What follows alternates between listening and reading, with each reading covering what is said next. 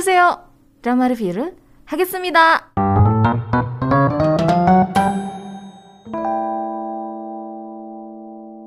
Akhirnya, saatnya untuk aku membahas Alchemy of Souls yang baru aja tamat. Pembahasan ini kemungkinan besar akan mengandung spoiler ya.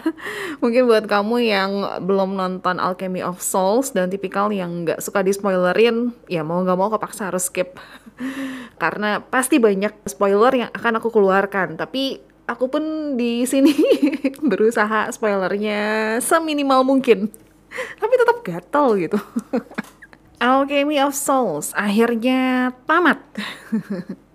Drama ini terdiri dari dua season. Season yang pertama dirilis di bulan Juni sampai Agustus 2022 dengan total 20 episode.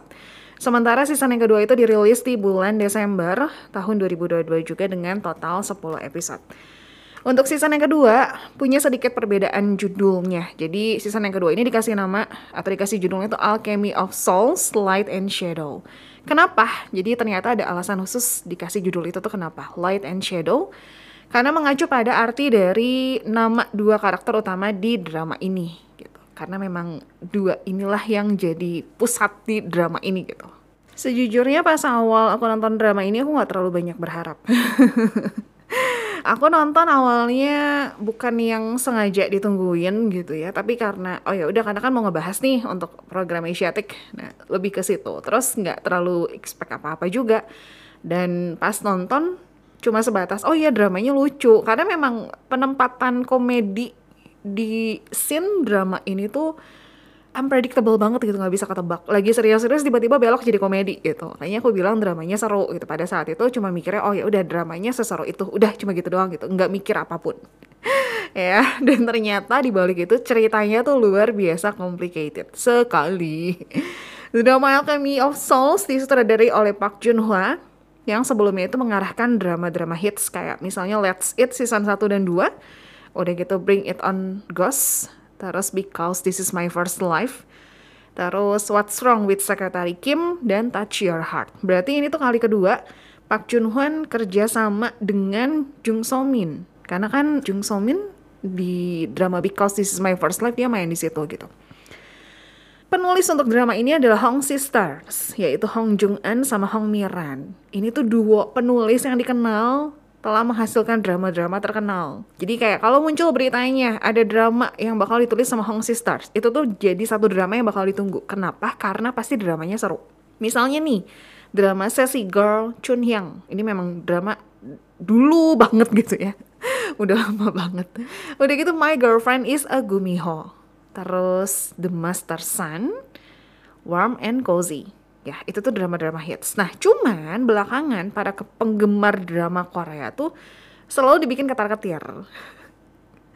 Sama drama yang ditulis Hong Stars ini. Kenapa? Karena belakangan drama-drama yang ditulis sama Hong Stars itu tayangnya di TVN. Ya. Dan pastinya punya ending yang bikin dada tuh sesak gitu after nonton tuh kayak iya pedih gitu. Apalagi TVN kan ya. TVN kan terkenal dengan uh, endingnya yang nyebelin dan pasti ada tumbal yang dikeluarkan gitu. Misalnya nih drama apa sih yang pernah ditulis sama Hong Sisters dan dirilis di TVN? A Korean Odyssey sama Hotel Del Luna. Yang punya endingnya tuh sebenarnya endingnya dibilang logik sih gitu dan memang yang terbaik untuk para karakter yang ada di drama itu tapi bikin para penonton dramanya sedih gitu. Let's say lah A Korean Odyssey gitu yang berakhir dengan perpisahan antara Son Ogong, uh, Son Okung, Okung, Ogong, Okung yang diperanin sama Lee Seung Gi sama Jin Sun Mi yang diperanin sama Oh Hyun So. Para penonton mungkin berharap mereka berdua punya happy ending. Mereka berdua bisa bersama gitu sampai akhir ya. Cuman dari awal dramanya memang udah dijelasin gitu kalau takdir mereka tuh bakalan kayak gimana nggak bakal bersama nggak bisa bersama gitu. Jadi memang dari awal udah dijelaskan gitu ya. Cuma kan kadang kita sebagai penonton berharap adanya keajaiban gitu ya. Terus Hotel de Luna ini juga sama gitu endingnya tuh bikin sesek banget. Tapi aku ngerasa ending yang kayak gitu drama yang punya ending seperti itu tuh malah jadi lebih susah untuk dilupain ya nggak sih kayak masih bisa keinget aja gitu berkesan sekali gitu endingnya tuh untuk Hotel de Luna endingnya adalah di mana manajer Gu Chansung harus merelakan kepergian Chang Manuel untuk selamanya. Padahal mereka tuh kayak udah saling ngungkapin cinta satu sama lain. Kita juga sebagai penonton udah, ayo dong happy ending dong. Kasihan loh Chang Manuel udah sekian ribu tahun gitu kan. Ayo dong happy ending. Tapi ternyata enggak. Ya memang sedih, tapi kalau kita lihat dengan baik, itu adalah ending terbaik untuk setiap karakter yang ada di dramanya gitu. Jadi aku ngerasa ya walaupun memang endingnya nyebelin gitu ya dari sudut pandang penonton nyebelin kenapa sih endingnya kayak gini? TVN lagi selalu deh pasti gitu. TVN tuh ya. Tapi justru ending yang seperti itu yang bikin para penonton drama Korea tuh susah untuk move on ke drama berikutnya gitu aku sih ngerasanya seperti itu ya setelah sekian lama aku nontonin drama-drama Korea cukup banyak salah satu karakter drama yang bikin penontonnya susah move on selain karena alur ceritanya yang seru banget, misalnya tuh kayak Hospital Playlist itu kan susah banget tuh untuk move on ya. Dan karakteristik yang satu lagi itu adalah punya ending yang benar-benar ninggalin kesan. Baik itu kesan yang uh, bikin hati kayak berasa dicubit atau bikin hati berbunga-bunga. Itu tuh pasti uh, susah untuk dilupain. Dan salah satunya aku ngerasa Alchemy of Souls juga punya ending seperti itu. Tapi untuk season yang pertama. Aku ngerasa aku cukup sulit untuk move on di season yang pertama kalau season yang kedua, aku ngerasa cepet banget move on ya. Kenapa nanti bakal aku ceritain. Kenapa sih kok aku ngerasa season 2 tuh kayak lebih cepat move on ya. Padahal kalau misalnya pendengar dengerin program Asiatic mungkin aku sempat mention ya kira-kira nih Grace bakalan cepat move on nggak ya dari drama Alchemy of Souls gitu? Ternyata jawabannya cepat guys. Drama Alchemy of Souls ini diperankan oleh Lee Jae Wook sebagai Jungkook salah satu karakter utama di drama Alchemy of Souls yang di season yang kedua kayak berubah banget jadi lebih cakep, lebih ganteng, lebih karismatik, lebih bikin para penontonnya terjangguk-jangguk. uh, Janguk adalah tuan muda sekaligus penerus dari keluarga Jang. Lee Jae-wook debut di drama Memories of the Alhambra. Kalau kamu nonton ini dramanya Park Shin Hye yang tersedia di Netflix. Tapi memang penampilan dia di drama Memories of the Alhambra ini beda banget sih, beda banget. Selain karena mukanya tuh ada luka ya di hidung deh yang aku inget dia pakai uh, apa tuh namanya plaster gitu seingat aku ya karena udah lama juga nonton drama ini. Terus rambut dia agak sedikit bergelombang seingat aku. Dan munculnya tuh cuma di momen-momen tertentu yang agak-agak serem gitu. Ya itu Ijewuk dan aku pun nggak ngeh gitu pas penampilan dia di situ tuh aku nggak ngeh kalau itu Ijewuk belum gitu tahu juga sih sebenarnya karena kan itu debutnya dia kan. So, nonton beberapa dramanya dia pas dicari-cari memang dia pernah main di drama. Apa sih? Oh ternyata dia tuh pernah main di Memories of the Alhambra gitu. Dia tuh jadi salah satu temannya Chanyol yang mengkhianati Chanyol karakter Chanyol di situ. Terus akhirnya dia main di drama Search Triple W. Jadi pemain pendukung utama. Dan bisa dibilang drama Search Triple W inilah yang bikin nama dia tuh mulai dikenal pecinta drama Korea. Reasonnya kenapa? Aku ngerasa kan di drama ini tuh karakter dia ikonik banget. Dia tuh jadi salah satu aktor newbie. Jadi kayak di dalam drama dia main drama gitu. Tapi tuh cerita drama di drama ini tuh luar biasa tidak bisa dilupakan gitu saking makjangnya kali ya makjangnya bener-bener makjang banget dan lebay banget yang aku ingat adalah salah satu adegan di mana uh, karakternya Ijeok tuh nampar uh, lawan mainnya pakai rumput laut. itu yang nggak bisa aku lupain. Itu dia. Jadi semenjak itu namanya mulai agak dikenal. Terus dia main juga di drama Extraordinary You, jadi pemeran utama tapi second lead yang patah hatinya.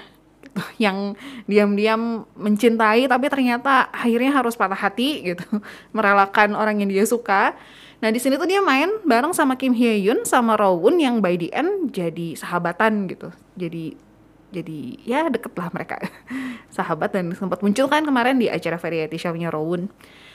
Dan menariknya gitu sampai saat ini bahkan kemarin aku sempat lihat di media sosial lupa di Instagram atau di TikTok gitu atau di YouTube ya di Reels ya itu ada cuplikan di mana dia tuh lagi jalan di bandara deh kalau nggak salah lagi jalan gitu. Terus kan biasa kalau jalan di bandara kiri kanan suka ada fansnya kan yang teriak-teriak Ijewok, Ijewok gitu misalnya ya. Nah ada satu tuh yang teriaknya Baekhyun Baekhyun tuh adalah nama karakter dia yang ada di Extraordinary You. Dan Ijewoknya langsung ngeh gitu langsung ngebalik gitu. Jadi seberkesan itu dia. Dan di drama ini, di drama Extraordinary You ini, Lee Jae-wook dapetin penghargaan pertama dia di MBC Drama Awards tahun 2019 untuk kategori Best New Actor lewat acting dia di drama Extraordinary You. Terus drama berikutnya di mana dia akhirnya jadi first lead ya, itu adalah drama Dodo Sol Sol Lala Sol. Ini juga satu drama yang menarik banget. dia main bareng sama Go Ara dan lewat drama ini dia dapetin penghargaan Excellent Actor di KBS Drama Awards tahun 2020. Memang bener berkesan banget sih aku nonton drama ini. Reasonnya karena dia yang main gitu. Terus ya lucu, dramanya lucu dan berkesan sekali gitu. Nah itu untuk Lee Jae-wook. Oke, okay, untuk pemeran utama perempuannya di drama ini, ya untuk season 1 sama season 2 ada perbedaan. Di season yang pertama, pemeran utama perempuannya adalah Jung So Min yang berperan sebagai Mudok. Jung So Min di sini tuh kelihatan imut banget. Mungkin karena dia kapalannya sama Lee Jae Wook kali ya, yang super duper tinggi banget kan Lee Jae Wook tuh. tinggi banget. Terus memang di drama ini karakter Mudok itu digambarin sebagai satu karakter yang lemah terus kakinya pendek ceritanya. Sampai ada satu scene di mana si Jangkuknya bilang Mudok tuh pendek kakinya pendek gitu langkahnya nggak bisa lebar jadi dia nggak mungkin bisa lari dengan cepat gitu. Sampai digituin. Ya dan memang cocok gitu aku ngerasainnya. Imut-imut banget Jung Somin ya. Uh, walaupun imut tapi ketus gitu judes. Jung So Min sendiri udah main cukup banyak drama ya dan aku juga udah nontonin beberapa dramanya dia. Mulai dari Bad Guy terus Playful Kiss The Day The Sound of Your Heart, kemudian Monthly Magazine Home, dan lain-lain. Jadi sudah cukup banyak drama-dramanya dia. Karakter utama perempuannya yang mungkin bakal bikin para penonton drama Alchemy of Souls sedikit bingung dan hilang arah. Soalnya aku pas lagi nonton, terutama begitu perpindahan ke season yang kedua, terus aku lihat di media sosial cukup banyak komentar-komentar yang uh, kebingungan gitu yang hilang arah. Jadi sebenarnya Mudok itu siapa? Jadi Naksu gimana? Terus yang hidup kenapa Jin Buyan? Jadi banyak yang hilang arah gitu ya. Aku coba jelaskan ya. Mudah-mudahan bisa membantu. Jadi gini loh, di drama Alchemy of Souls ini ada satu karakter. Ya, namanya Choyong. Oke, okay. mungkin pas kamu nonton, kamu bakal nemuin karakter Choyongnya itu versi anak-anak sama versi muda aja uh, bukan versi yang udah dewasa gitu karena memang nggak muncul. Nah, siapa Choyong ini? Choyong adalah satu-satunya anggota keluarga Cho yang selamat setelah keluarganya dibantai oleh para penyihir di Deho. Tapi orang-orang tuh nggak ada yang tahu keberadaan Choyong. Karena setelah tragedi pembantaian keluarga Choyong, dia diselamatin sama satu orang, namanya Danju. Cuman Danju ini tuh misterius banget. Dia nggak nunjukin uh, mukanya gitu. Jadi dia tuh pakai penutup muka. Apa ya kalau kita bilang kayak masker lah gitu ya. Sama pakai hoodie. Paham kan ya hoodie hoodie zaman itu gitu bukan hoodie yang sekarang ya maksudnya dia pakai penutup kepala terus pakai pakai apa sih cadar gitulah ya jadi nggak kelihatan mukanya namanya Danju diselamatin gitu nah yang Choyong tahu, dia tuh diselamatin dari tragedi itu. Ya, ada orang nih baik yang nyelamatin dia, ngajarin dia segala macam gitu, ngedidik dia. Padahal sebenarnya faktanya adalah Choyong itu dimanfaatin sama si Danju jahat ini nih. Ih, Danjunya nyebelin. Nah, seudah tragedi itu, Choyong meninggalkan identitas dia sebagai Choyong dan dia hidup dengan nama Naksu. Oke, okay? mungkin Naksu lebih familiar lah di drama ini, ya. Karena memang karakter salah satu karakter utamanya Naksu. Naksu ini adalah karakter pembunuh bayangan yang kejam dan jago banget. Dia um, suka, bukan suka sih, tapi dia kayak um, melakukan pembunuhan besar-besaran untuk balas dendam, gitu. Nah, karakter Naksu inilah yang diperanin sama Go Yun Jung di season yang pertama.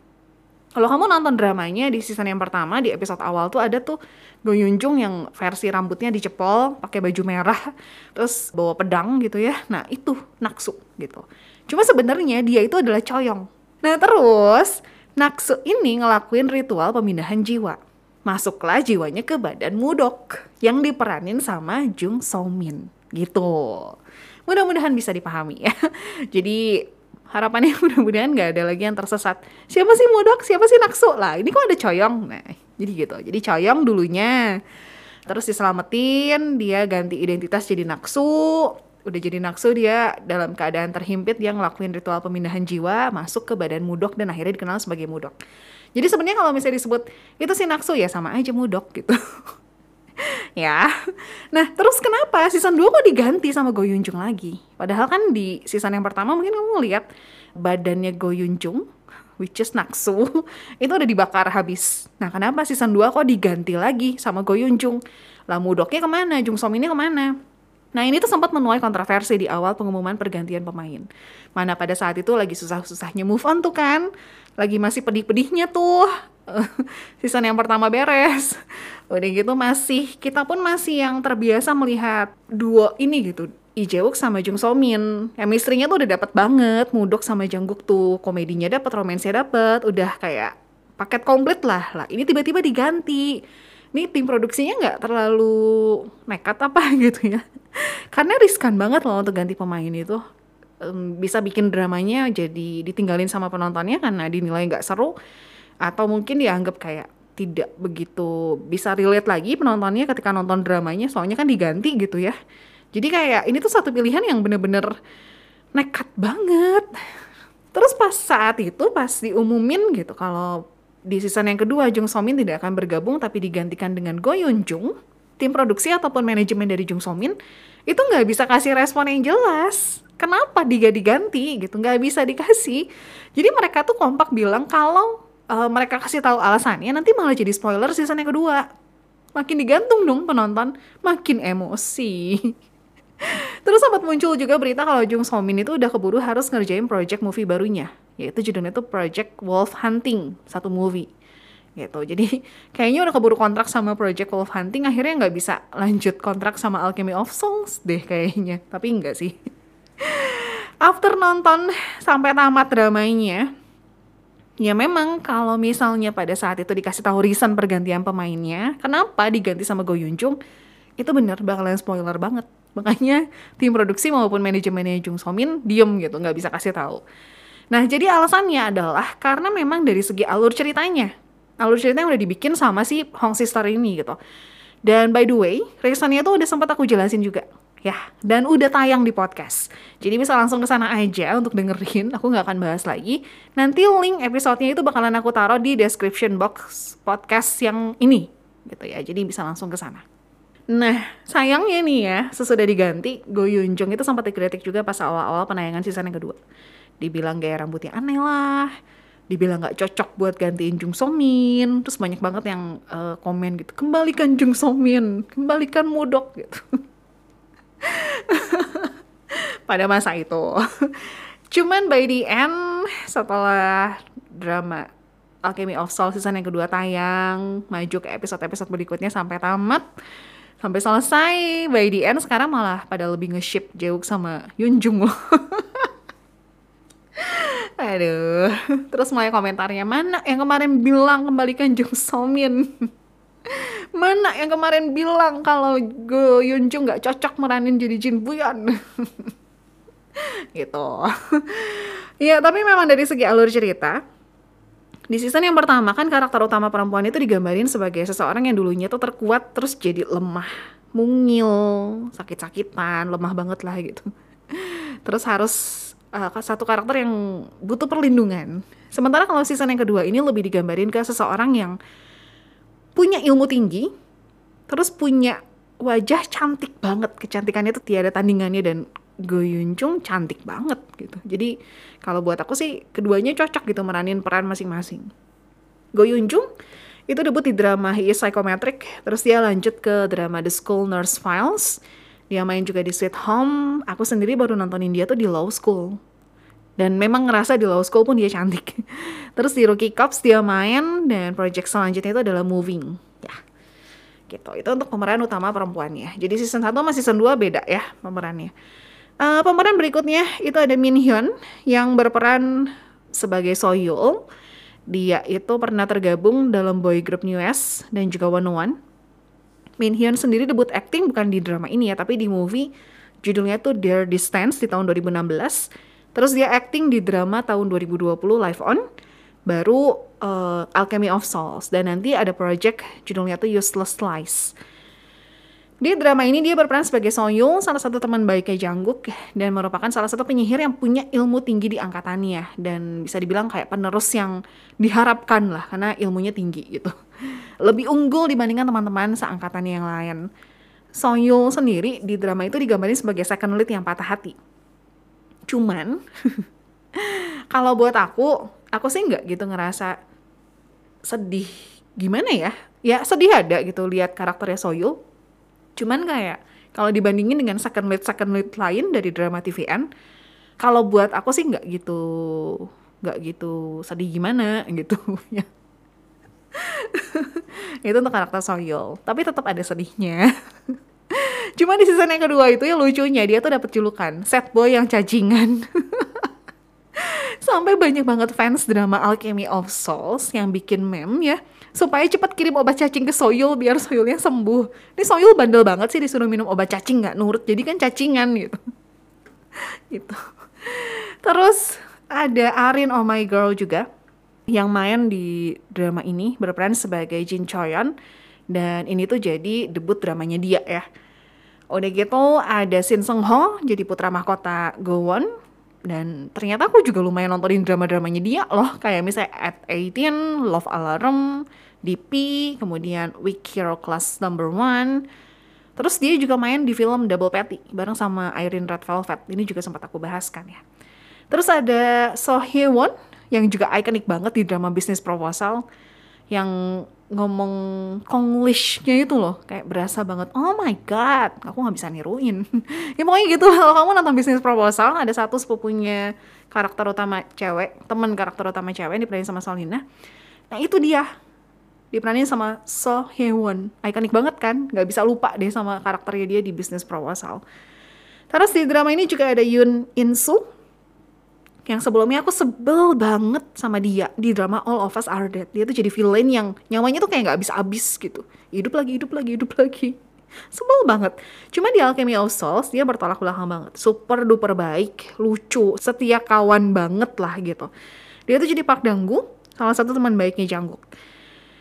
Um, ternyata setelah aku lihat track record dari Yoon In Soo, aku udah cukup banyak nontonin dramanya dia loh. Kayak misalnya tuh Strong Woman Do Bong Soon, dia tuh jadi anak SMA yang awalnya tuh mau nyerang Do Bong Soon tapi akhirnya malah jadi ngehormatin banget gitu.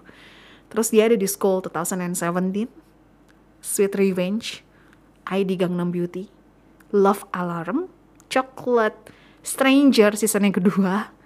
Terus dia main di At a Distant Spring is Green dan lain-lain. Terus dia juga ternyata main di movie-nya Kang Hanul. Kang Hanul ya, bener deh kayaknya. Forgotten judulnya. Gitu. Ya. Nah selain itu juga ada beberapa pemeran-pemeran lainnya yang cukup berkesan, yang uh, apa ya acting mereka di sana tuh ya punya kesan tersendiri lah. Ada Yu Jun Sang, terus ada Jo Jae Yoon yang benci banget ih sama dia di drama ini, tapi begitu nonton BTS-nya tuh behind the scene maksudnya ya, malah jadi gemes sama dia. dia tuh imut banget. Udah gitu kan aku nonton dia di Descendant of the Sun. Nyebelin juga kan karakter dia kan di situ kan. Di sini juga nyebelin. Terus ada Onara yang di drama ini tuh karakter dia keibuan banget dan aku kayaknya jarang nontonin Onara di drama. Pernah nonton pun nggak beres gitu. Kebanyakan nonton dia di variety show kan, di Six Sense kan. Nah begitu di sini tuh kayak ngeliat sisi lain dari Onara karena actingnya dia sebagai Kim Doju keibuan banget. Ah, baik banget. Terus ada Im Chul Soo juga di drama ini tuh. Nah, untuk drama Alchemy of Soul, season yang pertama ditutup dengan perolehan rating 9,2% untuk nationwide dan 9,9% untuk Soul. Sementara Alchemy of Souls, Light and Shadow itu ditutup dengan perolehan rating 9,6% untuk nationwide dan 10,6% untuk Soul gitu.